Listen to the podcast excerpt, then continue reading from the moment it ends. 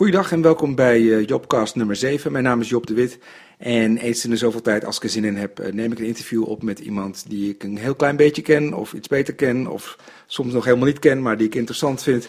En dan uh, maak ik hier een podcast van. En dat heb ik nu ook gedaan met Martijn Dijkers, alias Martin, een Nederlandse DJ en producer die ik heel erg bewonder en die laatst in Amsterdam was voor een gig in de school. Uh, Martijn woont sinds enige jaren in de Verenigde Staten. Hij is opgegroeid in Eindhoven, werd daar bekend als DJ en organisator van drum en bassfeesten. En verhuisde later naar Rotterdam en uiteindelijk naar de Verenigde Staten. Hij heeft een aantal hele toffe platen gemaakt. Voor zijn laatste album heeft hij de Edison gewonnen toen ik daar in de jury zat. Uh, dus dat was heel leuk uh, om hem die prijs te kunnen geven. Dat was voor het album The Air Between Words uit 2013. 13, ja. En die prijs won hij dus in 2014. Uh, eh, eind oktober komt een nieuw album van uh, Martijn uit dat hij heeft opgenomen samen met een andere beroemde in het buitenland woonachtige Nederlandse DJ, namelijk Steffi. Zij is uh, vaste DJ in de Panorama Bar in Berlijn. En onder de naam Doms en Dijkers komt eind oktober een album uit van Martijn en Steffi onder de titel Evidence from a Good Source. Uh, wat kan ik nog meer over zeggen? Um, Martijn en ik delen een verleden in jungle en drum and bass in de jaren 90. Daar hebben we het ook over gehad. En um, het interview begon eigenlijk al voordat het echt begonnen was. Ik had het uh, recorder aangezet en we waren aan het praten over de verkiezingen in Amerika en de debatten en het nieuws. En zo begon het eigenlijk al voordat het echt begonnen was en uh, kwamen we langzaam in het interview terecht houders die de nieuwe release van uh, Doms en Dijkers in de gaten. En rest mij nog te zeggen dat 21 oktober ik jullie allen heel graag verwelkom op een nieuwe aflevering van Fullscreen. Dat is mijn videoclipavond, dat doe ik ook in de Bali Cinema in Amsterdam tijdens het Amsterdam Dance Event met speciale gast Palmbomen. Ook een internationaal aan weg timmerende Nederlandse producer, maar dan van heel andere muziek. Nou ja, dat valt eigenlijk om, er zit ook wel raakvlak tussen. Allebei, zo Martijn als... Uh, als Kai Hugo alias Palmbomen ehm, zijn erg beïnvloed door ehm, oude house uit de jaren 80, eh, begin jaren 90. Goed, dus dat is 21 oktober in uh, Amsterdam in de Bali. Kom dan videoclips kijken. En veel plezier met deze podcast met Martin.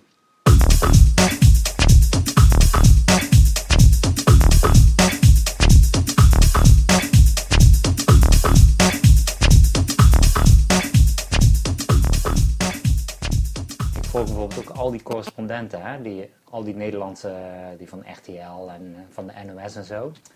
En um, ja, kijk, ik zie gewoon waar hun, zeg maar, hun nieuws vandaan halen. Want daar haal ik ook mijn nieuws vandaan natuurlijk. Ja, precies. En dat is ook wel een beetje... Ja, je moet je gewoon afvragen... Er is eigenlijk geen één nieuwsbron objectief in Amerika. Hè? Dus zeg maar, je haalt zeg maar, een gedeelte van Fox maar ja, dat is heel rechts. Of het is heel rechts, of het is heel liberaal. Ja, je hebt dan MSNBC, is heel links, zeg maar. Of heel links. Ja, links voor Amerikaanse begrippen dan, zeg maar. En dan heb je CNN, daar hangt er een beetje zo tussenin. Die doen eigenlijk gewoon mee waar, het, waar de meeste kijkersaantallen zitten, zeg maar. Mm En um, ja, dan zie je bijvoorbeeld, weet je wel, dan die race die gaat dan, uh, die polls die gaan dan zo best wel ver uit elkaar. En Clinton die stond de hele tijd heel ver voor, zo 10 punten of zo, dat is dan veel in Amerika. En, um, en dan opeens komt er dan bij CNN een poll waar ze opeens heel dicht bij elkaar liggen. Ja. En dat kan nooit. Maar dat is gewoon, dan hebben ze wel één poll waar dat dan in te zien is. En daar lichten ze dan 24 uur non-stop uit. Dat die ene poll super belangrijk, uh, hartstikke spannend opeens weer. Maar dan is het, ja. ze kunnen natuurlijk ook niet vier maanden zeggen, ja, het is een gelopen race. Dat zegt niemand. Maar jij denkt, het is eigenlijk wel een gelopen race? Nou, ja, dat is dus het ding. Dat is dus waar iedereen zit daar zo op van ja, het is een gelopen race, dat denken we allemaal wel, maar we willen het ook weer niet zeggen, want wie weet is het niet. Dat is natuurlijk een beetje het spel, weet je wel. Dan zie je ook al die, al die pandits, weet je al die gasten die dan uh, overal commentaar op moeten leveren, die hebben datzelfde ding. Die, niemand wil natuurlijk zeggen van ja, waar hebben we het eigenlijk over? We kunnen beter over Syrië gaan praten, want uh, ja, mensen, mensen moeten wel allemaal gaan stemmen op 8 november. Dat is ook zo. als je dat zegt, want als je zegt ja, Clinton wint, dan gaat niemand meer naar de... Hè? Dus dat is een, andere, een ander ding, ja. Maar je volgt dus nog wel Nederlandse nieuwsbronnen? Jawel, jawel. Ja, Volkskrant en zo. En, eh, maar bijvoorbeeld die, die gast van RTL, zeg maar, die dan het Amerikaanse nieuws voor RTL doet, dat is wel best wel een goede. Ja, die doet heel veel achtergrond en uitleggen en zo, hoe al die systemen werken. Dat is best wel gaaf. Maar ik zie hem ook wel eens gewoon op Twitter, zeg maar, dingen gewoon kopiëren van Fox of zo. En dan denk ik van ja, weet je wel, dat is natuurlijk, kijk, RTL is ook wel een beetje aan die, aan die soort van de telegraafkant van het verhaal. Dus die haalt dan liever daar zijn ding vandaan dan hij het uit de New York Times haalt of zo, weet je Hmm. wel. En dat is wel grappig om te zien hoe, wie dan wat kopieert ook, zeg maar. Maar ze zijn natuurlijk nog altijd gewoon tien keer objectiever dan, dan de Amerikaanse journalisten. Want daar heb je helemaal, eh, ja... Ja, daar moet je gewoon echt met een korreltje zout nemen, alles eigenlijk, weet je wel. Eh, we zitten op dit moment eh, op je hotelkamer, vlakbij de school waar je vanavond gaat draaien. Je, je, je hebt je spullen uit het vliegveld, we, je bent net aangekomen. Ik, je, je, net je, je maakte je zakken leeg, je gooide op het bed. Ik zag wel, je reist wel met je Amerikaanse paspoort. Ja, ja. ja, mijn Nederlands is verlopen. dus die moet ik nog even eentje... ja, ik moet die even opnieuw, opnieuw aanvragen. Dat is zo'n gedoe. En ik ben de hele tijd... Je moet dan ook je oude paspoort zeg maar inleveren. En nee, ja, ik ben natuurlijk de hele tijd aan het reizen. Elke paar weken ben ik weer weg. Dus ik kan mijn paspoort ook niet kwijt. Dus ik, dat, is al, ja, dat is een lange saga. Dat is al een jaar of zo ben ik daar al mee bezig om dat aan te vragen. Dus, eh, maar ja, maakt ook niet zoveel uit. Voor het hier eh, kun je gewoon binnen. Dus eh, ja. Dit is een, een hotelkamer zoals je die overal in de wereld hebt. Eh, voordat we begonnen vertelde je dat je vroeger nog wel eens met de trein op tournee was. Ja. Dat je dan veel meer van een land ziet. Ja. Ehm, wat doet dat met je als je zo vaak op vliegvelden en in vliegtuigen zit en op dit soort hotels je tijd doorbrengt? Ehm, ja, eh, vroeger zeg maar, nou vroeger, een paar jaar geleden of zo, maakte ik daar altijd een heel drama van. Dat ik dan dacht van, oh, is het toch allemaal zwaar en in mijn eentje en overal, eh, weet je, overal naartoe en wat doe je dan? En daar is natuurlijk een soort van heel romantisch verhaal van te maken. En eh, op zich, eh, dat doe ik nog steeds wel eens hoor, maar ik denk, ehm, ja, je gebruikt zo, zeg maar, je tijd zo nuttig mogelijk of zo. Ik denk dat dat het meer is nu, want ja, ik ben zeg maar de laatste paar jaar ehm, toch wel een beetje anders ook naar het leven gaan kijken, weet je, als je zo vader wordt en eh, ja, je, je bent ook al, je loopt ook al iets langer mee, zeg maar, en ja, dan, dan benader je denk dingen van een andere, op een andere manier. En ehm, bijvoorbeeld reizen, kijk, nu is voor mij reizen is eigenlijk veel meer weg van je familie, zeg maar, dan dat het eh, op pad is om ergens gewoon, eh, ja, weet ik veel, dingen te ontdekken, weet je zoals bijvoorbeeld die treinreizen en zo, hè. En ehm, ja, je gaat gewoon een soort van andere balans vinden, denk ik. Ehm, ja, hoe je, zeg maar, je tijd dan voor doet, of wat je dan doet, of, hè, als je hier zit of zo. Betekent dat je, dat je minder vaak van huis bent? Ja, ja, ik heb, eh, zeg maar, toen, ehm, toen mijn dochtertje geboren werd, zeg maar de eerste jaren of zo, heb ik het echt best wel rustig aangedaan. Ehm, en toen is dat wel weer een beetje, ja, zeg maar, normale ritme eh, gegaan. Maar ik probeer, zeg maar, nu wel heel bewust ook, zeg maar, blokken te maken van een aantal weken waarin ik heel veel doe. En dan ook echt, zeg maar, drie weken, vier weken niks. Zodat je ook echt, zeg maar, een langere tijd kan, ehm, kan thuis zijn. Want als je zeg maar elke keer een weekendje wel doet en een weekendje niet, ja, dan ben je eigenlijk alleen maar aan het uitrusten, weet je wel. En eh, ik heb ook bijvoorbeeld vaak als je, eh, kom je terug en dan ben je ziek of zo, of dan eh, ben je verkouden, of, want je loopt altijd van alles op, zeg maar. En dan, ja, dan is het eigenlijk ook zonde, want dan kom je thuis en ben je eigenlijk gewoon een week lang op halve kracht. En dan als je dan net weer beter bent, dan ga je alweer. Dus dan, ja, dat schiet ook niet op. Dus ik probeer nu meer een soort van blokken te doen, dat je dus echt ja, een maand heel veel werkt bijvoorbeeld. En dan probeer ik ook zoveel mogelijk in die maand te stoppen en eh, daar zo goed mogelijk ehm, ja, je tijd te benutten als het ware. En, ja, en dan ook gewoon een maand, ja, dan werk ik gewoon thuis aan wat e-mails en wat muziek en zo. Maar dan besteed je ook veel tijd met familie en ja, kun je iedereen eens zien en weet je wel. Dus dat is wel, ja, dat werkt wel beter voor mij nu, Mhm. denk ik. Gaat ze al naar school? Hoe oud is ze nu? pas twee, of net eh, twee en een maand. Dus eh, ja, ze gaat dan naar de daycare, heb je. Ehm, en dat doet ze halve eh, dagen, zeg maar. Dus de andere helft van de dag zit ze in de studio. Is het een Amerikaans meisje of praat je ook wel Nederlands? Ik praat ook wel een beetje Nederlands, maar niet, het is moeilijk om tweetalig op te voeden, omdat ik de enigste ben die, die Nederlands spreekt daar, zeg maar. Ook in mijn omgeving, geen vrienden of zo die Nederlands spreken. Dus ik breng er wel, zeg maar, Nederlands bij. Maar ik geloof, als je, zeg maar, echt een kind twee gewoon vlekkeloos wil aanleren, moet je eigenlijk gewoon 100% die taal spreken. En dan mijn vrouw 100% Engels. Maar dat, dat red ik niet. Maar probeer wel zoveel mogelijk te doen. Dus, uh, dus ik kijk ook naar Nijntje en uh, weet je wel. Ik kent ook Nederlandse liedjes en dat soort dingen allemaal wel. Dus uh, het zit er wel een beetje in. En Ja. pindakaas. Pindakaas. Zometeen een pot even meenemen.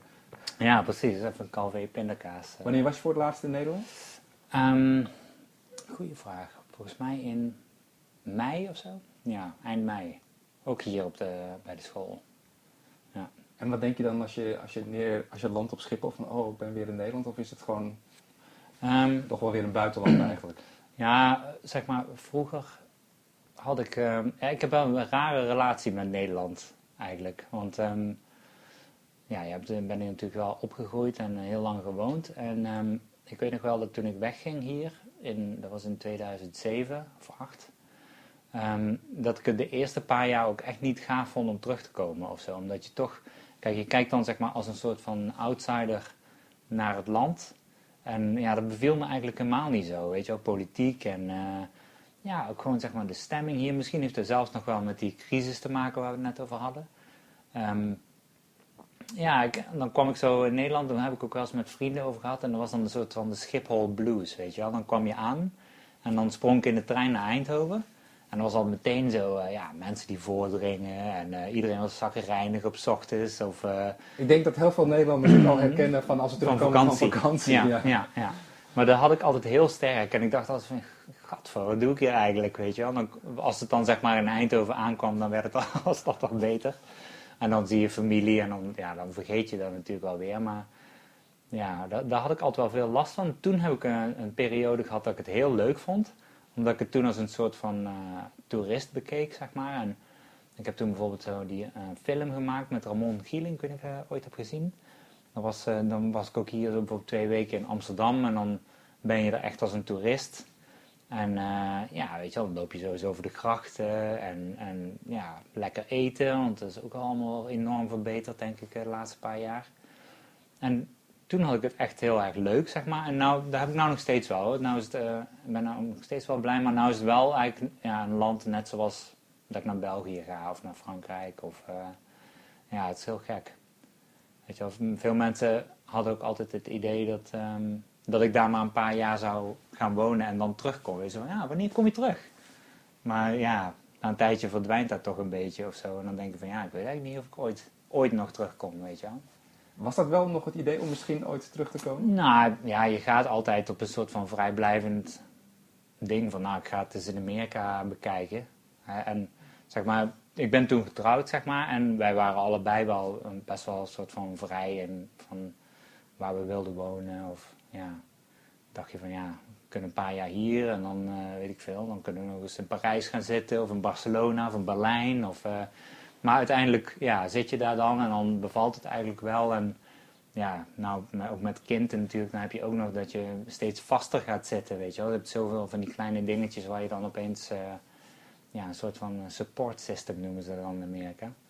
Dat je, ja, je hebt dan vrienden om je heen en wat familie van, van haar kant dan. En ja, een schooltje en een ditje en een datje. En dan, ja, dan wordt het al steeds moeilijker natuurlijk om weg eh, te gaan, weet je wel. Tenzij, Ik zeg niet dat het gesetteld is, maar ja, dan moet je opeens ste- aan steeds meer dingen gaan denken voordat je je koffers kan pakken, zeg maar. misschien als president Trump zijn eh entree Dan moeten we weg. vliegtuig. Ja, dan moeten we naar, moeten we naar Canada, denk ik. Dan ging iedereen, er was er geloof ik al een eilandje voor de kust van Canada, waar, dan, waar je dan zeg maar gratis, eh, zonder zeg maar immigratieproblemen, kon je daar gaan wonen als Amerikaan, als, Trump president zou worden. Dus eh Dan gaat het als al aangeboden. Dan gaat het heel druk worden. Ja, ja.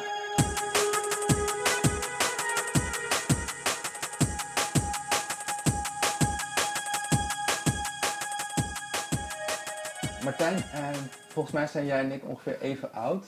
Mhm. En ik denk dat wij allebei zo begin ja, eerste helft jaren 90 heel erg fan werden van wat toen jungle Ja. Mhm.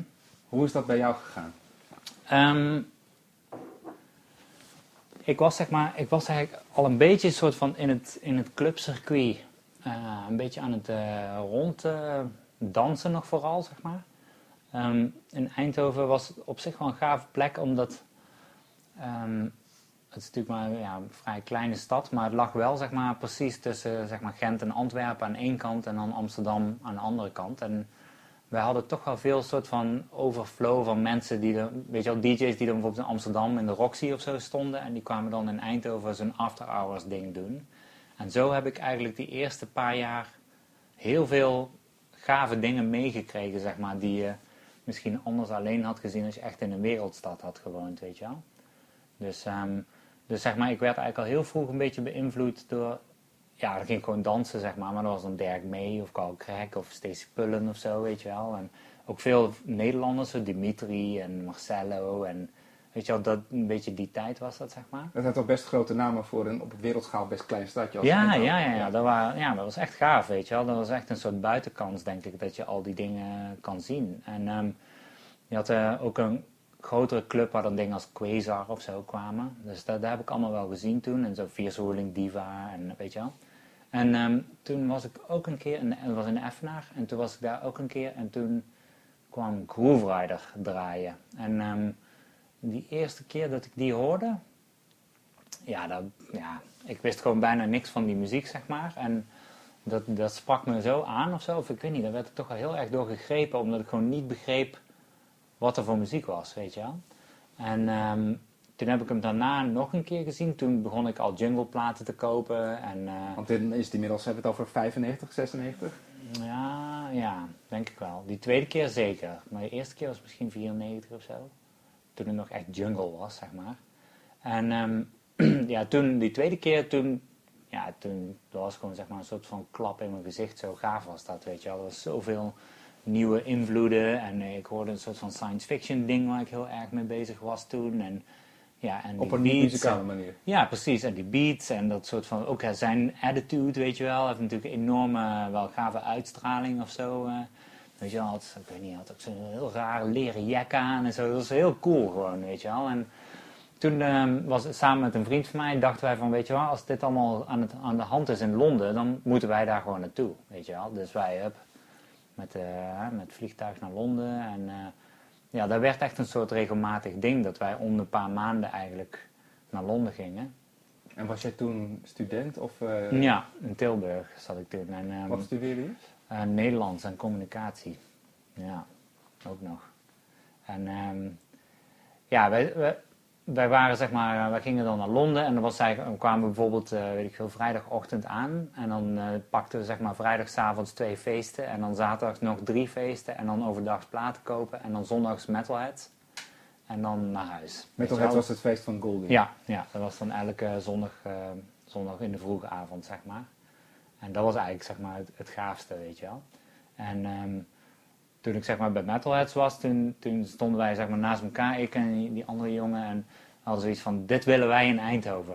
dat is natuurlijk super ambitieus, want dat gaat helemaal niet. Maar ja, wij wilden zeg maar, die sfeer die daar hing, dat soort van, eh, ja, die, die soort van enthousiasme voor nieuwe muziek constant. En heel veel mensen kwamen daar gewoon om gewoon die nieuwe beats te horen elke week. En elke week waren er ook weer steeds nieuwe, ja, nieuwe producties, nieuwe dubplates. En eh, weet je wel, super soort van eh, bijna interactief, weet je wel. Dat heel die, heel die, dat publiek, dat stond daar gewoon te wachten. Die wisten gewoon, kenden al die nummers. En dan kwam er, dropte Doc Scott een nieuw ding, weet je wel. Ja, daar was, daar stond iedereen daar echt heel erg soort van ja, echt eh, naar uit te kijken, weet je wel.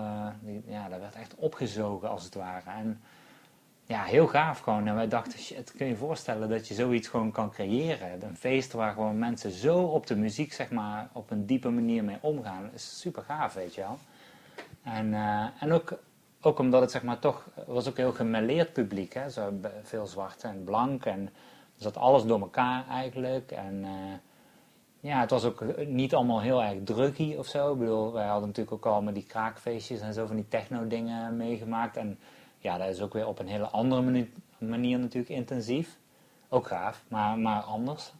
Dus, eh, ja, wij, dus wij terug naar Eindhoven in feite. En van ja, dan gaan we hier gewoon feesten beginnen. Nou, de, de eerste feest, daar waren drie mensen. dus dat ging, uh, dat ging niet helemaal zoals wij hadden gepland. En zo, ja, elke maand of zo probeerden wij zeg maar gewoon zo'n feestje te doen. Ook in Tilburg hebben we nog een paar gedaan. Maar je, die, die muziek is nieuw, die komt uit Engeland. Ja. Je bent geen DJ of muzikant. Nee. Je stort je daar enorm in, want dat is ook geen goedkope grap om naar Londen te gaan en platen te kopen en naar acht feesten te gaan. Ja. Dus je hebt daar flink in geïnvesteerd. Je was daar heel erg door in beslag genomen. Ja, ja. Ja, maar, ja, maar op zich, kijk, ik kocht al wel heel veel muziek hoor. Dat was altijd wel zo, want ja, van huis uit, ja, mijn vader verzamelde ook platen en die was ook altijd daarmee bezig. Dus het was eigenlijk een soort van logisch. Ik, ik koop geloof ik al platen sinds mijn zevende of zo. Dus, ja, maar eh, goed, alsnog een 12 inch was iets van 20 gulden. Of, Ja, ja, en dan heb je twee nummers, drie. ja, ja.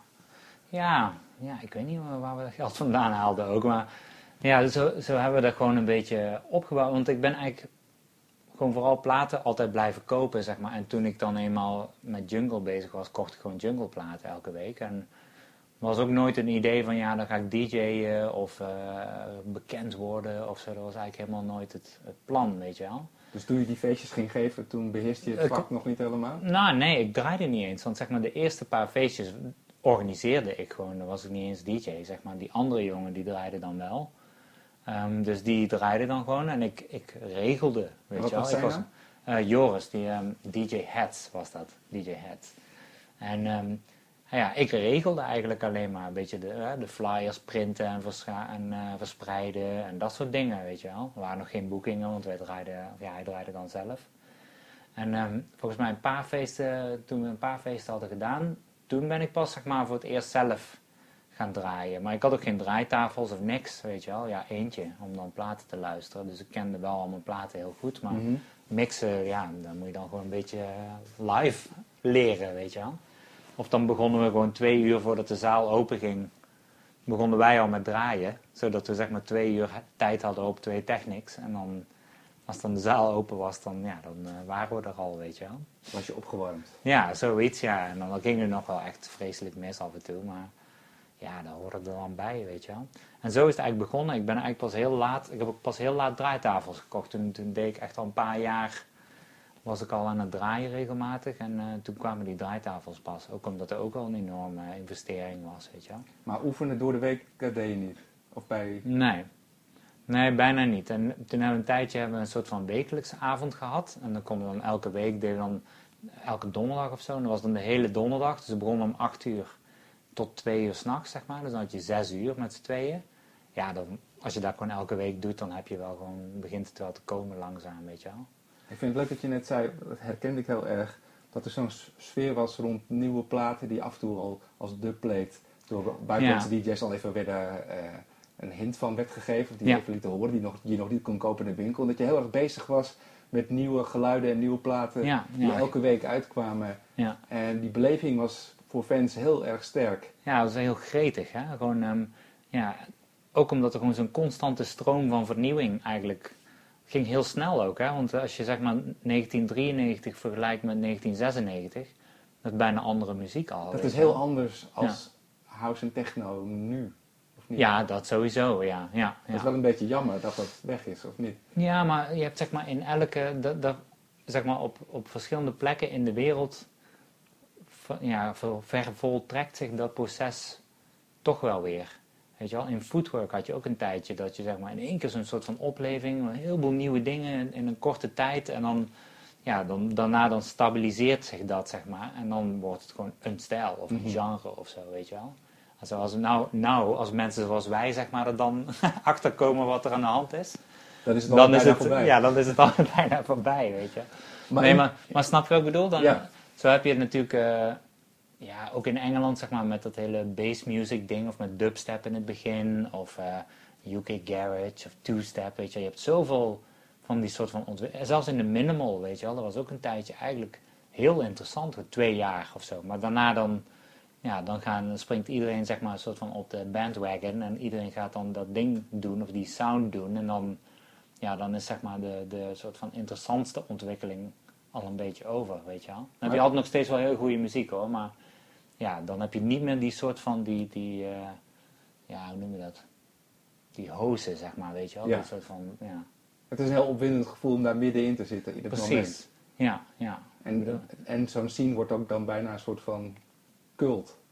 Ja, Cultus om in te zitten. ja, ja, ja, ja, ja. Ja, je hebt ook wel mensen, denk ik, die, die vooral dat gevoel ook zoeken, weet je wel. En die dan ook, zeg maar, in meerdere van dat soort ontwikkelingen een rol spelen of die daar dan bij zijn. Zo, bijvoorbeeld Code 9 is zo iemand die, die zeg maar in de, hè, in de soort van in de jungle eigenlijk al een beetje bij was, maar dan meer als een soort toeschouwer.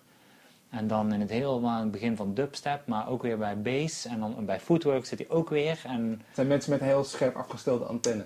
ja, ja, ja. En ik denk dat is ook echt iets wat hij zoekt, weet je wel. Zeg maar, zodra die soort van stabilisatie plaatsvindt, dan, is, dan klokt hij alweer uit, want dan is hij alweer met een ander ding Ja, maar jij bent ook zo iemand met zo'n antenne. Ja, Je ja. bent niet blijven hangen in drum and bass, want het genre bestaat nog steeds. Als je had gewild, had je nog steeds Ja, dat is waar. Dat is dat waar. kunnen draaien. Ja, ja maar ik, ik denk ook dat ik wel iets meer mijn eigen plan trek, zeg maar. Dat ik het minder laat afhangen van, van wat er aan ontwikkelingen dan gebeurt, weet je wel. Ik- het is niet zo dat elk ding waar ik voel dat nieuw is, dat ik dan denk van, nou, daar moet ik meteen inspringen en bij zijn, weet je wel.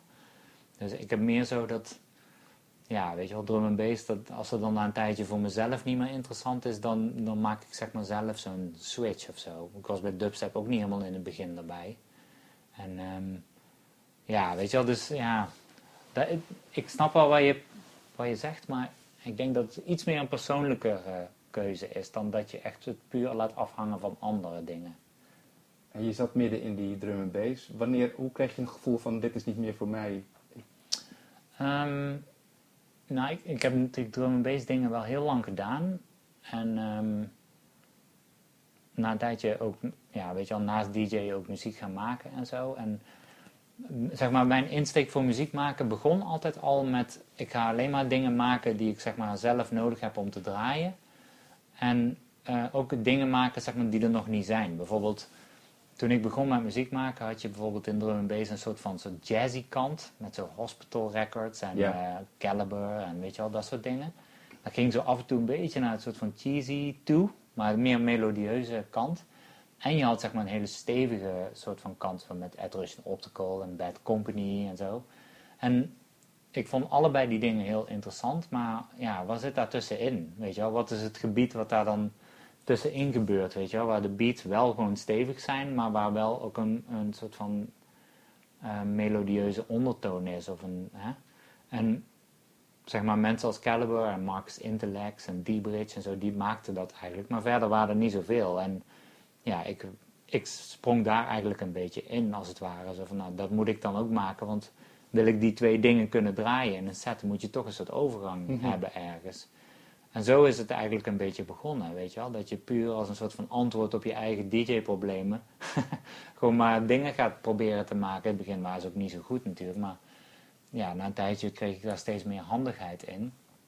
En ehm, ja, zo ging dat een tijdje door eigenlijk. En ik denk zeg maar dat na een tijdje ehm, die twee dingen niet zo goed meer te vereenzelvigen waren. Want zeg maar, dark werd zo dark en melodieus werd zo melodieus dat er eigenlijk, ja, voor mij was eigenlijk die ruimte daartussen gewoon veel te groot, zeg maar. En ik wilde ook niet echt van de een, ja, een van die twee richtingen kiezen. En juist op dat moment, omdat je dan natuurlijk toch een soort van leegte voelt van ja, dat is niet echt iets, ik voel het niet echt, weet je wel. Ja, dan komt natuurlijk, eh, staan je antennes weer op om dan naar nieuwe dingen te zoeken. En ik denk dat op dat moment, zeg maar bijvoorbeeld zo die eerste Burial LP kwam en de vroegere soort van Digital Mystics dingen en Code 9. En ja, weet je wel, daar hoorde ik gewoon in wat ik eigenlijk al zocht, alleen was het tempo dan heel anders. En ja, weet je wel, net zoals in Burial ook en, en Code 9 en dingen ook, die zijn eigenlijk heel muzikaal, maar daar zit wel gewoon die soort van, die body in, weet je wel. Dat is wel gewoon nog steeds beats en bass. Op- Ik kan me toch voorstellen dat je dan zo na tien jaar in zo'n genre, en je hebt daar alles aan gegeven, dat je toch, en je staat er ineens buiten, dat het toch een beetje een onheimisch gevoel geeft of zo. Ehm, ja, een beetje wel, maar het, het ging niet zo. het- ik heb nooit zeg maar van de een op de andere dag gezegd van ik ga weg, deur dicht, weet je wel. Zoek het maar uit! Ja, eh, hier, pak aan.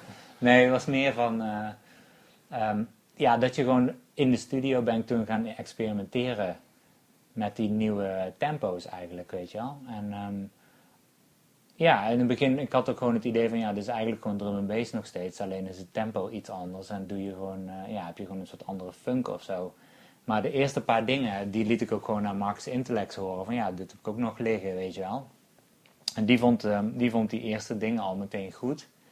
En uh, die zei van, nou, dan doen we dat gewoon op de B-kant van drum and bass 12 inch. Dus zo, het was eigenlijk heel vloeiend hoor. En um, ja, die, die plaat, die, dat was die Broken plaat. En die sloeg enorm aan. En ook van mensen, zeg maar, waar ik heel veel respect voor had, maar die helemaal niet met drum en bass bezig waren. Mensen als zo Giles Peterson of uh, Laurent Garnier of wat echt zo helden zijn voor mij, nog steeds wel. Maar ja, die, die volgen niet drum en bass, weet je wel. Uh, nee, maar pas toen kwam er zo'n gek soort van down, ik noemde dat dan downtempo.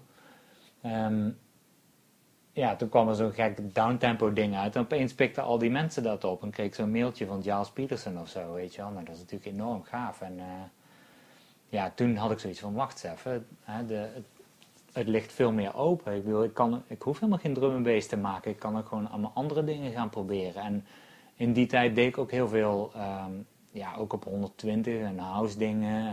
De meeste van die dingen bleven allemaal liggen. Maar die soort van dubstep-achtige dingen, dat is allemaal een beetje gaan rollen, weet je wel. Ja, en tegen de tijd dat je eerste album uitkwam, was die dubstep-fase alweer bijna voorbij. Ja, zo 2009 was dat volgens mij. Hè? Ja, ja, het was nog, nog wel redelijk levend. Zeg Het was geen dubstep album of zo? Nee, precies. De, op, die, op die LP had ik al echt wel... Ja. ja. dat je gewoon denkt van, nou, ik kan eigenlijk van alles laten zien als, als ik daar zin in heb, weet je wel. Een techno ding en een house ding en uh, piano stuk. En het was een hele vrije plaat eigenlijk natuurlijk. Ook omdat je helemaal geen druk hebt, weet je wel. Niemand, niemand zit er op jou te wachten. Dus je, ja, je kan gewoon maken waar je zin in hebt, weet je wel. En um, ja, maar, dat, maar dus, dus zeg maar het hele, om dan terug te komen op dit soort van switch van drum en bass naar, naar dubstep, was eigenlijk omdat er ook al zo snel gewoon heel veel goede feedback op kwam en zo. Um, en omdat die nieuwe muziek ook heel interessant was, was het niet zo dat ik nou echt um, ja, er, er, heel bedroefd bij liep of zo tegen het einde van drum en bass. En ik denk dat vooral mijn grootste voordeel is geweest dat, dat ik ook op dat moment nog niet echt afhankelijk was van muziek. Kijk, als je dan zeg maar. Bijvoorbeeld heel veel mensen waar ik dan veel mee omging, zeg maar, die hadden gewoon al een hypotheek als het ware. En als je zeg maar een drum and bass DJ met hypotheek bent, ja, dan zeg je gewoon niet van de ene op de andere dag van ik ga dubstep maken, weet je wel. Want dat is eigenlijk je hele carrière al, weet je wel. En ik had helemaal nog geen carrière. Ik bedoel, ik draaide wel veel, maar dat was allemaal nog heel erg soort van pril, weet je wel. En uh, ja, vergeleken met nu, maar dat kon je toen ook niet weten. Nee, nee, nee, maar ik, ja, precies. Als ik daar nou zeg maar op terugkijk, ik kon nog makkelijk zeggen van, weet je wat, ik doe deze muziek niet meer, ik ga nou dit doen. Terwijl, ja, heel veel mensen waar ik ook al toen mee omging, die ik dan vaak zag of zo, of die dan op de avond bij ons draaiden, Engelsen bijvoorbeeld, ja, die wilden eigenlijk ook wel, want die hadden het ook allemaal gehad in de drum maar die konden dan niet of zo, of die durfden niet, of weet je wel. En ik had dan nog net die vrijheid, zeg maar, om dat te doen, weet je wel. En, en ik merkte gewoon dat dat gewoon goed werkte. Dus ben ik ook, denk ik, later, zeg maar, in mijn, soort van uh, verhaal nooit echt zo bang geweest om een soort van radicale keuzes te maken. En het is ook niet dat mensen je met scheve ogen aankeken van, oh, waar gaat onze Martijn nou ineens doen? Nee, veel meer dat ik van heel veel mensen uh, een soort van, uh, ja, een soort van respectding bijna kreeg. Van, kijk, hij maakt het in de echte wereld. Alsof drum en bass maar een soort van niche was, weet je wel. Want het is natuurlijk wel kleiner, maar, maar ja, weet je wel, uh, dat is toch een soort van beperkte wereld ook wel. Wat heeft die muziek jou gegeven wat nog steeds belangrijk voor je is? Uh, wat drum en bass? Ja. Um, ja, ik denk toch dat soort van futurisme en um, uh, ja, een soort van stoerheid of zo, weet je wel. En um, ja, op een toch een soort van hele intelligente manier, denk ik. Dus we zaten hier in de auto net. En uh, die jongen, die, die, uh, de bestuurder, die had zeg maar Wu-Tang uh, plaat opstaan. En zeg maar, ik heb dat gevoel, ook als ik Wu-Tang hoor, zeg maar, dat, dat, is eigenlijk heel stoer. Maar het is ook wel weer heel droevig of zo, op dezelfde manier. En dan, weet je wel, die raps eroverheen, die zijn ook weer heel vooruitstrevend eigenlijk voor die tijd. toch een van de meest gesampelde groepen in drum and bass. Ook, ook nog, ja. ja. Nou, ja, dat klopt, ja. ja, ja. Maar eh, snap je, daar zitten zoveel verschillende kanten aan die muziek, weet je wel. En ehm, ja, ik vind het nog steeds, als ik dat hoor, zeg maar, gewoon vooral die eerste paar Wu-Tang dingen, dan heb ik datzelfde gevoel bij, weet je wel. Van, god, het is echt zo stoer gewoon. Maar aan de andere kant, ja, het is ook niet stoer op een soort van patserige manier, weet je wel. Het is stoer op een hele soort van introspectieve manier of zo. En dat vind ik bij drum and bass ook wel. En ik moet zeggen dat ik nu ook wel eigenlijk heel veel drum and bass weer luister, weet je wel. Sinds de laatste paar jaar of zo. Uh, oude dingen, maar ook wel nieuwe dingen. En uh, ik ben ook heel erg aan het zoeken naar wat ik eigenlijk toen eigenlijk helemaal niet interessant vond. Maar wat zeg maar, waar drum and bass vandaan kwam, weet je wel. Ik bedoel, er werd wel altijd gezegd van ja, uh, reggae en techno en... maar ja, weet je wel, die soort van begin jaren negentig is ook zoveel in gebeurd zo. In, in Engelse house en techno bijvoorbeeld. En waar die muziek zeg maar begon met breakbeats en uh, hoe dat langzaam sneller en sneller werd. Dat is eigenlijk een hele interessante periode. En uh, dat merk ik nu ook wel met wat ik maak, zeg maar. Dat, daar hoor je dat ook wel in, denk ik. Ja, um, nummers als uh, Forgiveness, Part 2 en 3. Ja, ja. En Block the Box. Ja. Dat zijn een paar van mijn favoriete nummers van jou ja? van de laatste jaren. Oké. Maar ik hou ook heel erg van dat soort, zeg maar, pre-jungle, post-acid house ja, van die rave muziek. Ja, ja. Dat blijft helemaal. Ja, dat is ook iets waar bijvoorbeeld, dat is bijvoorbeeld iets waar, waar zo Steffi en ik elkaar dan heel erg in gevonden hebben. Omdat we natuurlijk ook dezelfde leeftijd, dezelfde feesten, kraakpanden, je kent het wel. En ja, uiteindelijk zijn, hebben we natuurlijk twee hele verschillende wegen bewandeld, ook geografisch gezien. Maar ja, weet je wel, die basis, dat is bij ons allebei hetzelfde, weet je wel. Wij luisteren allebei naar Future Sound of London en naar 808 State en uh, weet je wel, die, die begin acid house, zeg maar. Niet alleen de Chicago kant, maar vooral ook de Engelse kant. En Sheffield dingen met LFO en weet je wel. En um, ja, er is gewoon zoveel inspiratie uit te halen. En uh, als je bijvoorbeeld naar die, die en Dijkers LP nou luistert, is allemaal die vibe, weet je wel. Proberen het zeg maar natuurlijk wel op een soort van moderne manier aan te pakken, maar ja, dat gevoel, weet je wel, dat soort van hypnose ding, zeg maar, wat natuurlijk ook in die tracks allemaal zit en ja, een soort van vroege experimenten met breakbeats, nog niet op 170 beats per minute gelijk, maar ja, op een soort van subtiele manier onder, onder alle kicks, weet je wel, dus dat het toch nog een soort house gevoel had of zo ja, dat, dat is gewoon de grondslag van Doms en Dijkers eigenlijk. Daar zijn wij ooit begonnen van, nou, dit, dit moeten wij gewoon weer gaan maken, want niemand maakt dat, weet je wel. En we willen dat graag draaien, dus...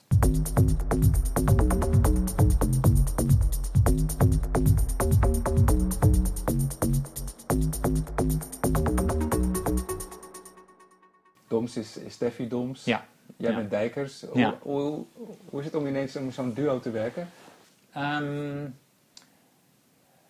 ja, kijk, ik was nooit zo'n samenwerker eigenlijk. Ik ben natuurlijk altijd een beetje, als je zeg maar dit hele verhaal nou hoort tot nu toe, dan is allemaal bijna in mijn eentje eh, dingen doen en beslissingen maken. En ehm, ik was nooit zo'n soort van eh, collaboratie ding. En ik, eh, ik ben haar zeg maar tegengekomen in, eh, in de bus naar Lowlands keer, in 2010 of zo. En ehm, ja, wat ik al zei, we komen natuurlijk allebei uit Brabant en we hebben allebei die, die soort van muzikale achtergrond. Dus dat klikte eigenlijk meteen al heel goed. En, en, maar veel meer op een soort van vriendschappelijke basis. Ehm, eigenlijk helemaal nog niet muzikaal. Of we hadden niet zoiets van, oh, we, moeten meteen iets samen gaan maken of zo. Dat, dat heeft echt nog een paar jaar geduurd dat we eigenlijk alleen maar gewoon kletsten over allerlei dingen. En over platen vooral. En eh, eh, ja, over DJ, eh, weet je wel. En ehm, volgens mij heeft zij mij toen ooit gevraagd van ja, wil je niet een remix maken voor mij, voor mijn label? En eh, misschien dat we dan een soort van kruisbestuiving kunnen doen. En nou, dat zag ik helemaal niet zitten. Ehm, maar toen eh, kwam er eigenlijk meteen daarna een soort van vraag van ja, weet je wel, als je een keer in Berlijn bent, eh, dan blijf ik een een paar dagen hangen en dan doen we een keer iets in de studio. En ook daar zag ik eigenlijk helemaal niet zo zitten in het begin, want ik was toch veel meer een soort van loner, van ik hou mijn ideeën voor mezelf en ik wil zelf een beetje gewoon dagenlang eh, klooien op één snertje. Dat, vind ik dan leuk, weet je wel. En, en zeg maar die, ja, dat soort van geven en nemen van ideeën, wat je natuurlijk in de studio doet met z'n tweeën, dat, ja, dat trok me eigenlijk helemaal niet zo erg. Maar ja, uiteindelijk eh, toch nog overtuigd. En eh, toen, toen ben ik daar een keer naartoe gegaan en toen hadden wij in drie dagen vier nummers af. Dat ging zo snel. En uh, dat was ook enorm leuk, omdat zij ook op een hele andere manier werkte dan ik. Dus dat was ook een soort van leerzame uh, ervaring. Um, en het grappige was eigenlijk dat zij ook heel veel van mij kon leren, wat ik heel, uh, helemaal niet had verwacht eigenlijk. Maar schijnbaar was mijn manier van werken ook toch wel interessant of zo. Waarom dan? Nou, ik heb bijvoorbeeld heel andere. Kijk, ik, ik ben heel erg met geluid bezig, zeg maar, weet je wel. Met een soort van. Um, ja, heel erg gebaseerd op samples of op dingen die ik zelf heb opgenomen. Of hè, een, soort van melodiestructuur of zo. En dat soort van beats ding, dat komt gewoon later bij mij. Maar ik, ik vorm bijna het hele nummer zeg maar, in mijn hoofd voordat ik überhaupt al in de studio ga zitten, weet je wel. En zij is heel erg van het jammen, dus zij gaat gewoon zitten met een leeg, soort van leeg vel. En alles gaat gewoon, alle apparatuur gaat gewoon aan en uh, zetten gewoon een tempo aan en we kijken wel waar het schip strandt. En dat is een heel andere manier van muziek maken dan, dan ik. Dit is wel even kort door de bocht hoor, maar zo om het zeg maar een beetje te schetsen. En ik deed ook heel veel dingen digitaal en zij heeft natuurlijk veel meer analoog spul ook staan. Dus, um, dus ja, dus zeg maar die manieren van werken waren zo verschillend. Maar ja, wij kregen er wel vier nummers uit in een paar dagen. En, ja. Hoe kan dat dan toch? Ja, dat, klikte gewoon heel erg, weet je wel. Ik denk dat zij gewoon dingen van mij wilde horen en ik wist ook wel wat zij kon, zeg maar. En ja, dan kun je heel snel tot een soort van idee komen. En ook omdat we natuurlijk die soort vanzelfde taal spreken, niet alleen letterlijk, maar ook, ja, je kan gewoon zeggen van ja, we willen van die strings, zoals uh, in uh, Future Sound of London, die en die platen, dat en dat nummer. En dat de ander dan meteen weet waar je het over hebt. En dat scheelt natuurlijk heel veel als je op die manier kan werken. En voel je ook een soort van band omdat zij ook in het buitenland woont, zij in Berlijn? Ja, ik denk het wel. Ik denk dat er wel een beetje een, een, uh, een soort van dat expat uh, ding, ja, dat zal vast wel meespelen. En um, ja, ik zat ook, ik denk ook wel een klein beetje op een soort van doodspoor even.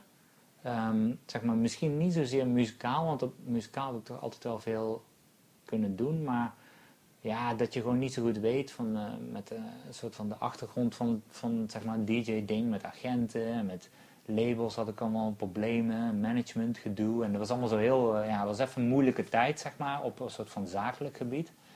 En um, ja, weet je wel, zij heeft best wel een heldere kijk en natuurlijk een heel andere invalshoek. En ja, zij heeft ook gezegd van, kom, dan, kom dan bij Ostgoed.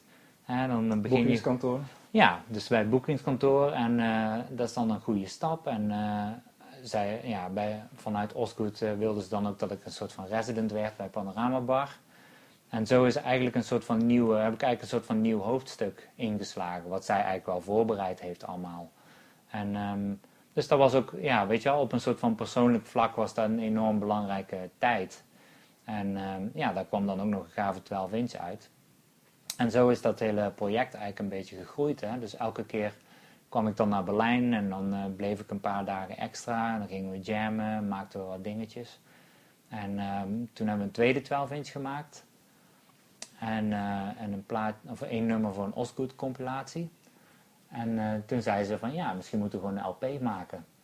En ja, ik was weer zo een beetje terug, terughoudend van nou, ik weet niet, hele LP, dat is, heel nou? veel, ja, het is al heel veel werk. Um, maar ja, aan de andere kant, ja, waarom ook niet, weet je. Als het toch um, zo snel en zo makkelijk gaat. En ik merkte ook wel dat er nog wel meer in het vat zat of zo. Uh, vooral bij die tweede 12 inch, er zat zoveel gave dingen in, vond ik. Dat ik dacht van ja, dit, dit, we hebben wel echt iets te pakken wat we uit kunnen werken. En wat niet als Steffi klinkt en ook niet als Martijn klinkt, maar wat ergens daartussenin aan het groeien is. En uh, ja, toen toen zijn we eigenlijk echt serieus aan een LP gaan werken. We schetsen van elkaar uh, een beetje bij elkaar gelegd. Van nou, wat kunnen we hiermee, wat kunnen we daarmee. En ook weer van die hele heftige studio sessies gedaan. Waar we ook weer enorm veel schetswerk uh, deden. We hebben geloof ik één keer was ik daar. Hadden we in vier dagen veertien dingen. En, uh, en ja, er zijn nog geen, geen nummers die helemaal af zijn. Maar duidelijke nummers wel. En ja, dan luisteren we gewoon de week daarna naar het hele verhaal. En ja, kijken wat we kunnen arrangeren en wat we ervan kunnen maken, weet je wel. En daar is eigenlijk een beetje die LP uitgegroeid. Dus uh, dat is wel een lange uitleg, geloof ik. Maar. en waardoor je, uh, en, oh ja, wat ik nog wilde vragen is, het was natuurlijk misschien logischer geweest om het dan uh, Steffi en Martin te noemen. Um, ik denk, zeg maar, juist omdat juist omdat we zeg maar zo'n alias gebruikten, geeft je ook wel een beetje vrijheid. En ik moet zeggen, was ook weer zo'n ding. Ik heb heel erg lang ben ik tegen aliasen geweest. Want ik vond altijd van ja, als je zeg maar muziek maakt en je zet daar je eigen naam onder, dan kan het nooit slecht zijn. Want dan kunt, je kunt je nooit verschuilen onder een andere naam, weet je wel. Je bent toch gewoon, ik ben ook gewoon nog steeds Martijn als ik gewoon naar de supermarkt loop. Ja. Dus als je dan echt een kutplaat maakt, ja, dan, dan, dan loop je daar gewoon met je kutplaat bij de spar, weet je wel. Dat gaat gewoon niet. En, en ik, ik had wel altijd zo'n idee van, ja, als je zeg maar een alias hebt, hè, een of andere moeilijke Engelse naam of zo, ja, dan kun je er eigenlijk mee wegkomen. Snap je wat ik bedoel? Ja, ja, ja. Dit dwingt je om... Om goed te zijn, zeg Ja, maar. ja. Om, om- en ik weet, ik weet niet meer, een vriend of zo van mij die kwam met die filosofie hoor. En, eh, en die zei ook zo van, ja, zie je Dirk mee, eh, die maakt alleen maar gave dingen. En Dat is, dat is gewoon omdat hij niet eh, zo'n alias, wisten wij veel, weet je wel. Maar dat was altijd het verhaal. Dat is helemaal niet waar. Nee, dat is ook helemaal niet waar. Maar, de- maar in ieder geval, de- dus zeg maar, ik vond er wel een soort van ultieme kwaliteitscontrole. Dat je je eigen naam altijd eronder schrijft, weet je wel. En ehm, hetzelfde als een boek onder pseudoniem schrijven. Ja, dat, dat is altijd, ja, ik weet niet. Je had er hier was het nou ook weer. Daar heb je, als je dan Nederlands studeert, dan krijg je natuurlijk al die, al die schrijvers die dan op pseudoniem, eh, J. Bernlef of zo, die, die heet Ja. ook helemaal niet zo. Maar die, ja, die was gewoon een ander persoon, zeg maar, in de echte wereld dan, eh, dan de schrijverswereld, Ja, maar goed, dat is ook een van de mooie dingen van muziek. Dat Zeker, je jezelf ja, ja. opnieuw kunt uitvinden. Misschien, ja, ja. Maar ik, ik zag het altijd zo van, ik schrijf er gewoon mijn echte naam onder. Dat is het, weet je wel. Daarom, want ik, ik had eerst ook wel echt een DJ-naam. Maar dat, dat heb ik ook la- snel laten vallen, zeg maar. En toen ik de eerste plaat die ik uitbracht, ging ik gewoon meteen als Martijn, zeg maar. Ja.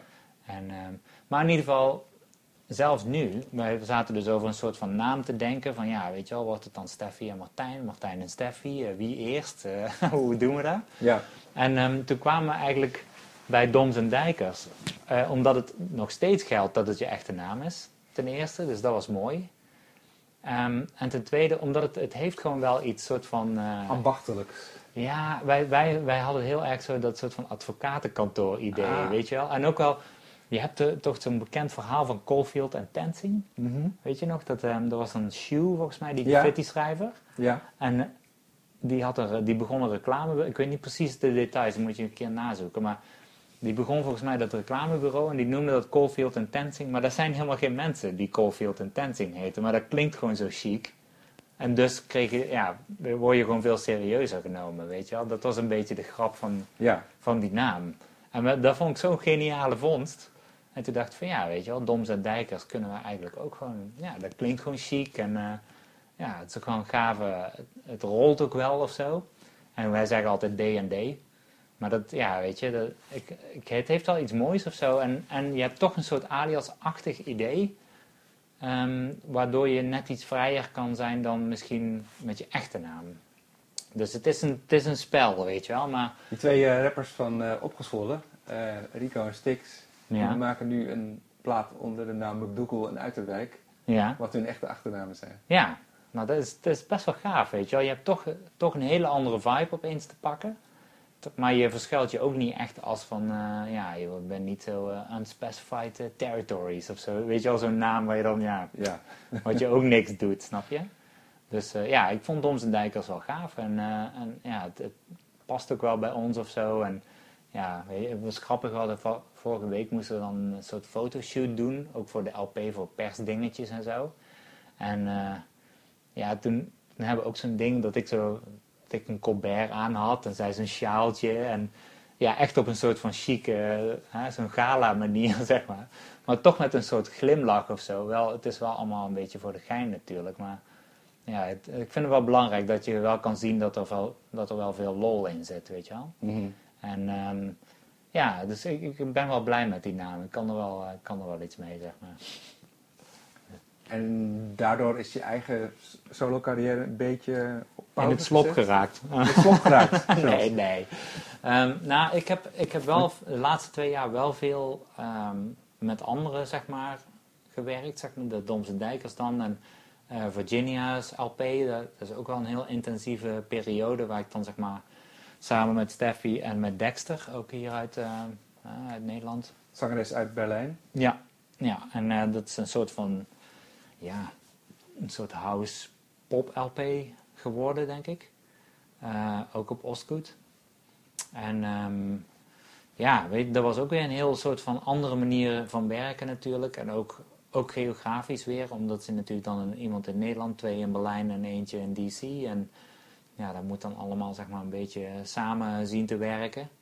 En eh, ja, dus, dus daar heb ik veel tijd aan besteed. Ik heb nog wel twee 12 inches gemaakt, dus, dus op zich is het nog ook weer niet helemaal... hebt- op principe heb je genoeg materiaal bij elkaar wat op een album had kunnen staan sinds Ja, 2014 uitgebracht. ja, Die singles bij elkaar. ja, ja, dat klopt. Maar Dus het is niet alsof je...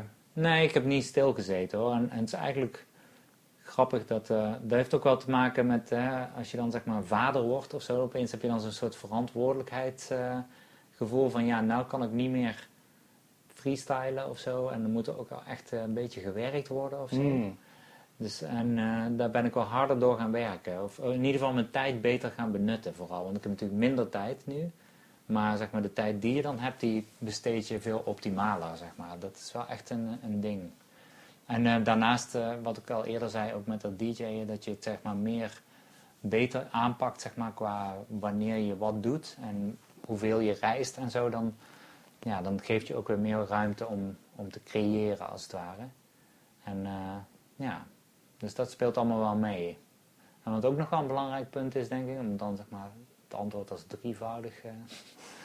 ehm, dat,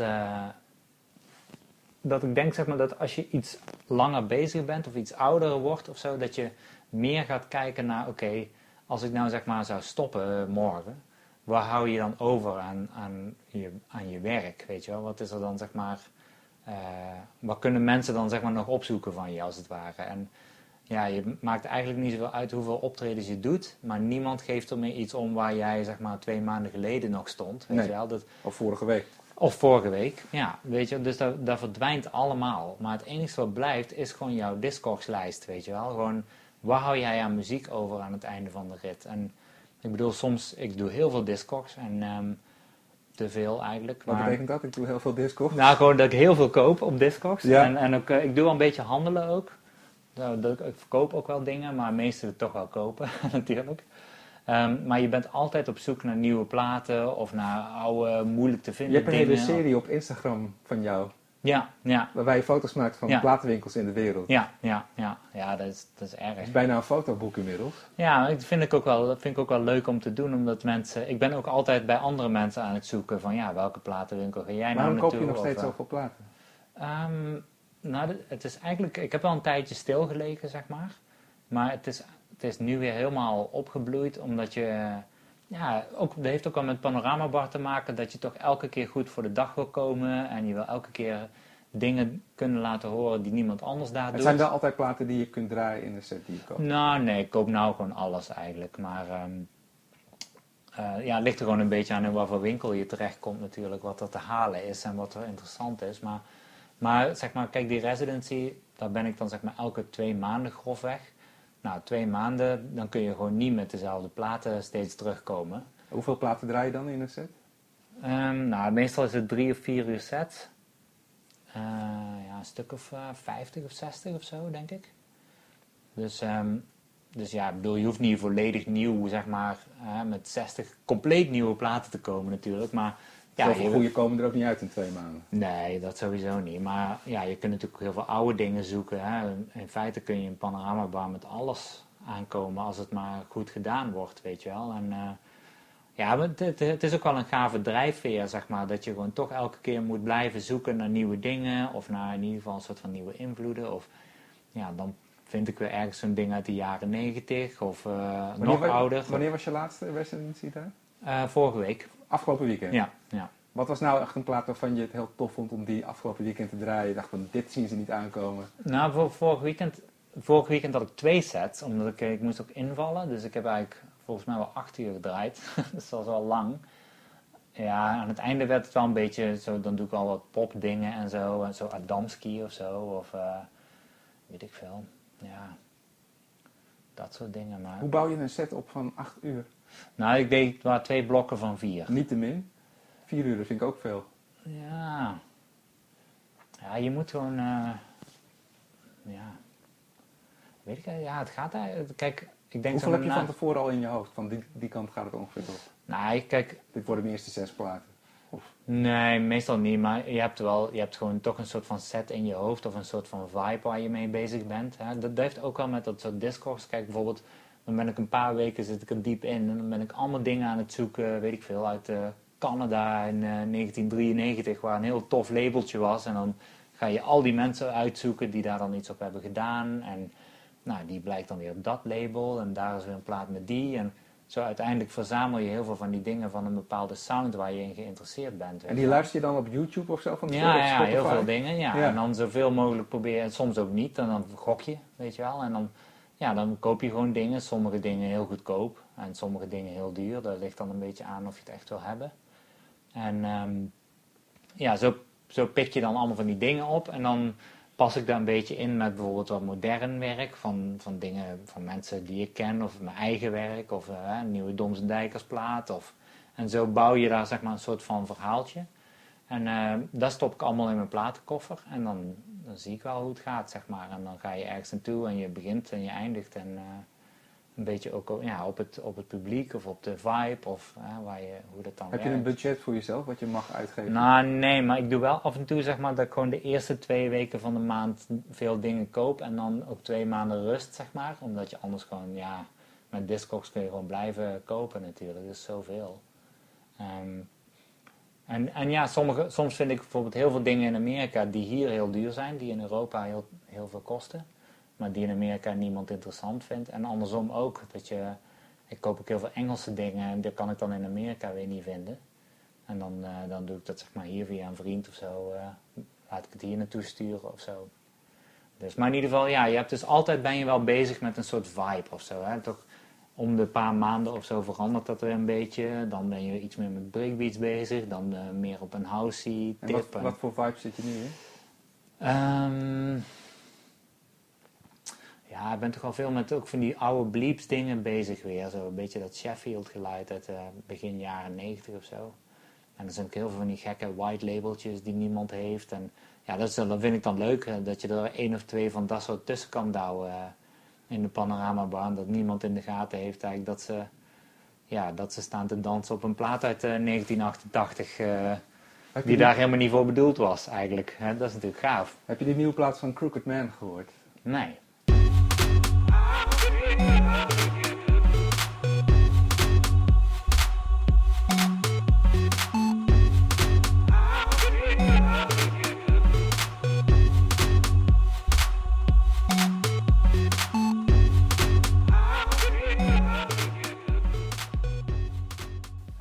Net uitgekomen op DFA Records. Ja. En dat is DJ Parrot uit Sheffield. Die Oké. ken je dan vast Ja, ja, ja, ja. Dus die man die gaat al sinds eind jaren 80 mee. Ja, ja. Ehm, eh, die heeft echt eh, met eh, Richard H. Kirk, Ja, ja. heeft hij nog platen gemaakt. Hij heeft ook. Roisin Murphy Ja, ja. geproduceerd.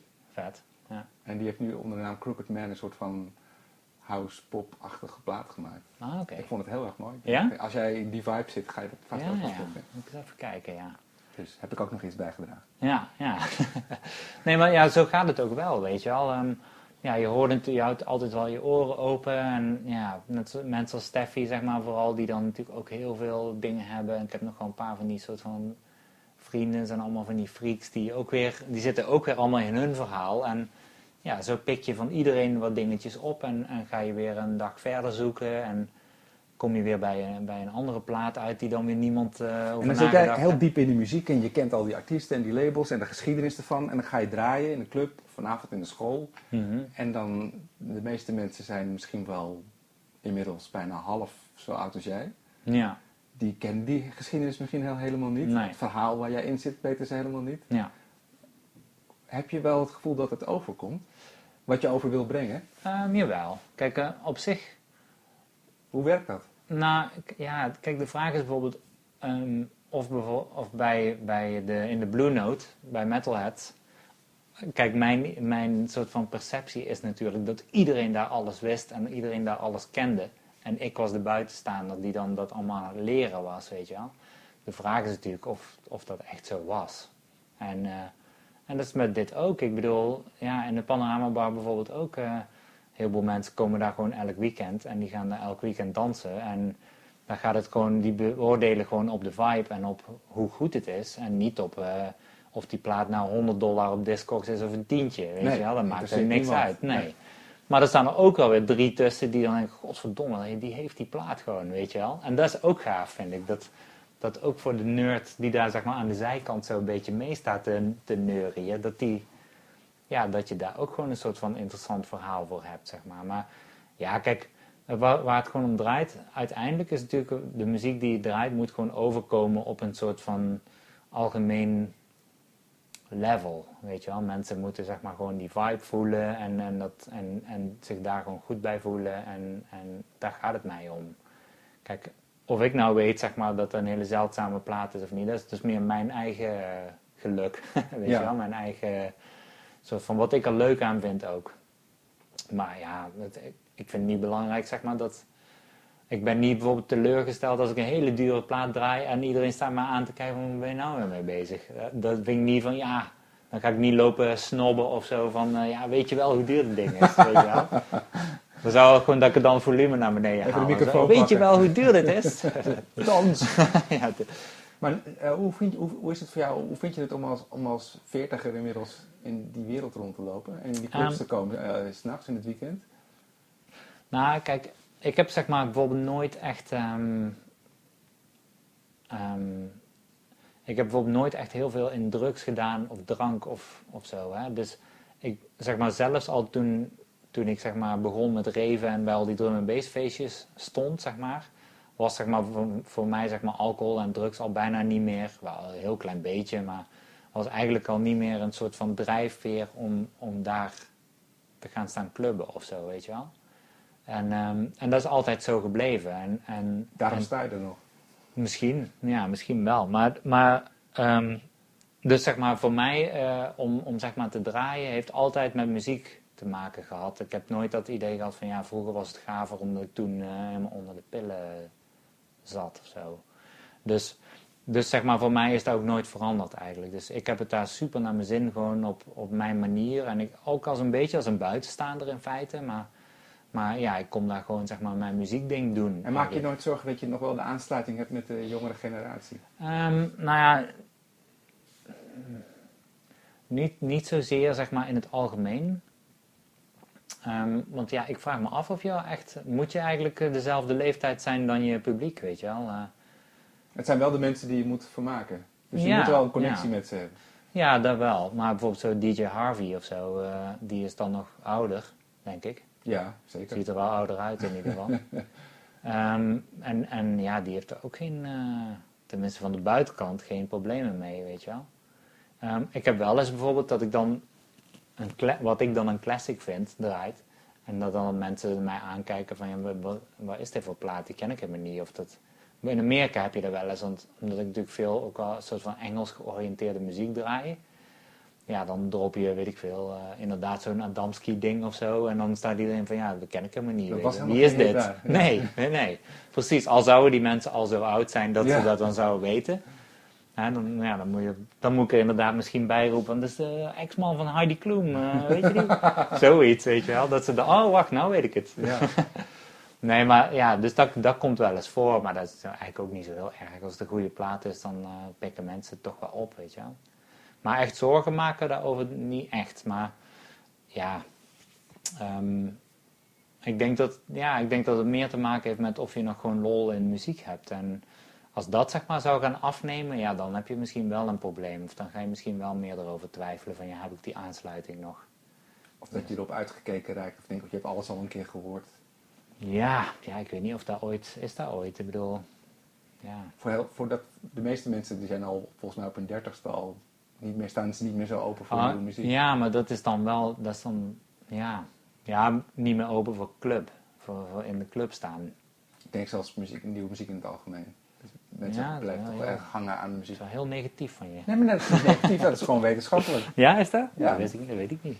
Ehm, ja. ja, je hebt natuurlijk altijd gewoon een, eh, een aantal mensen die gewoon hun hele leven blijven zoeken naar, naar dingen, toch? En, eh, en ja, en er zullen ook heel veel mensen die zeggen van, eh, ik ken ook al mensen die dan zeggen, ja, vroeger ging ik ook al naar de club. Maar die dan verder nu gewoon, weet ik veel, naar iets... Of ook niet meer, ja, misschien niet zoveel meer ermee bezig zijn, maar... Het is ook, als ik voor mezelf mag spreken, het is moeilijk om zo laat op, in de nacht nog overeind te blijven. Ja. Ja. Als je ouder wordt. Ja, ja. Nee, maar ja, we hebben het zeg maar over twee dingen natuurlijk. We hebben het zeg maar over uitgaan en Ja, over waar. muziek luisteren. Er zijn, ja, kan- Ja, ik het uitgaan nog- kan ik me volledig voorstellen. Ja, nee, ik, ik hou, als ik over mezelf mag ik hou nog steeds heel erg van dansmuziek, elektronische muziek en house en alles wat er vandaan komt. Maar ik trek het gewoon niet meer om tot, al, ik ben om half drie, drie uur ben ik gewoon doodmoe. Ja. Ja, ja ik ook. nee. nee, maar ja. Ja, nee, maar dat kan ik me volledig voorstellen. Ik bedoel, dat, ja, dat is gewoon zo. Maar, maar ja, ja, wat je al zegt, weet je wel. Kijk, je blijft wel gewoon met muziek bezig. En, en ja, je vindt dan toch gewoon andere manieren, denk ik, om, om daar actief... Je bent er wel nog actief mee, toch? Hoe, Dus- hoe koop je daarmee fysiek? Die late uren? Elk weekend? Ehm, ja, Lang in bed blijven liggen, is dat gewoon genoeg? ja, gewoon veel, veel slapen, denk ik. Eh, gewoon, ja, ik heb mezelf wel een beetje aangeleerd om... Je zit in een soort ritme.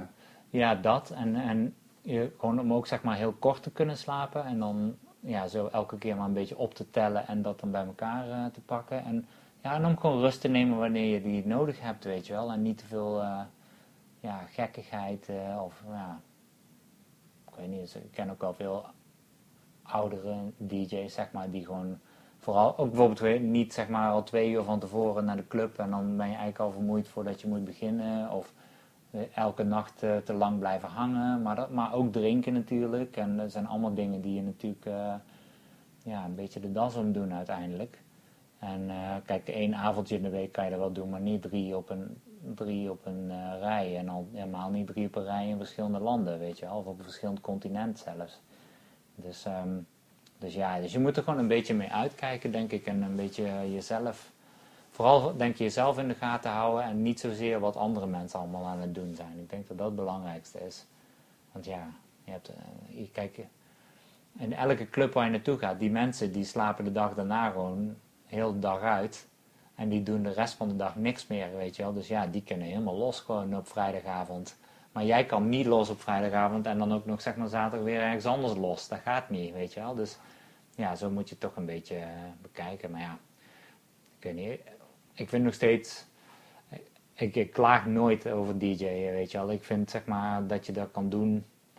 ehm, ja, vind ik gewoon wel echt een soort van... eh, dat is gewoon een hartstikke mooi ding, weet je wel. Ik, ik denk dat het een beetje een soort van cult is om dan de hele tijd te gaan lopen zeiken over hoe moe je bent en eh, hoe zwaar het allemaal is. En ik DJ's complaining. ja, kijk, zeg maar, weet je wel, mensen die eh, op Schiphol zeg maar de vuilnis opruimen, die, dat zijn mensen die het echt zwaar hebben, vind ik, weet je wel. Ik bedoel, als ik dat moest doen, dan zou ik nou echt een rot leven vinden. En ja, wat dat betreft is natuurlijk DJ gewoon, eh, ja, het is misschien fysiek wel zwaar, maar het is wel Je krijgt er ook een kick van. Ja, je krijgt er zeker, je krijgt er gewoon heel veel van terug, weet je wel. Heel veel energie eigenlijk. En eh, van allemaal mensen die het tof hebben. En, en ja, weet je wel, eh, ja, mooie mensen, en lelijke mensen. En van alles wat er gewoon, zeg maar, een beetje ehm, ja, met jouw muziek bezig is. Gewoon leuk om te zien. En, ehm, en je kan dan ook nog eens, zeg maar, je creatieve ei kwijt een beetje. Nou, dat is, ja, dat is eigenlijk niks moois dan dat. Klinkt wel heel eh, simpel, maar...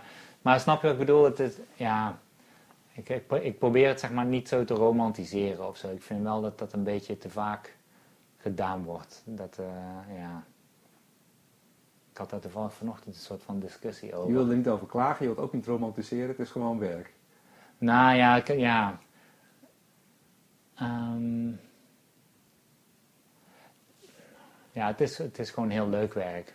Ja, Ehm, kijk, eh, ik denk wel dat kijk, je moet, iedereen die, zeg maar, die dit wil doen of zo, moet daar wel heel hard voor werken.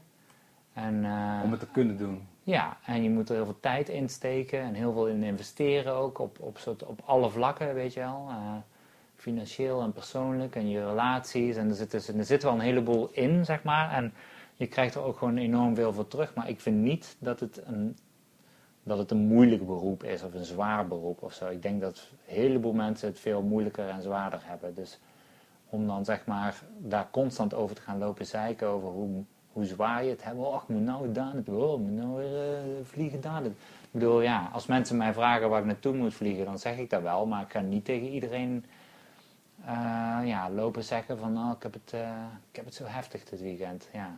Snap je? Ja. Je kijkt uit tot je zo mag beginnen in de school. Ja, zeker wel. Ik heb er wel zin in. Ja. En kijk ook uit naar naar huis gaan. dus. Maar ja, snap je? Maar dat, ja. ja, ik heb er wel zin in, ja.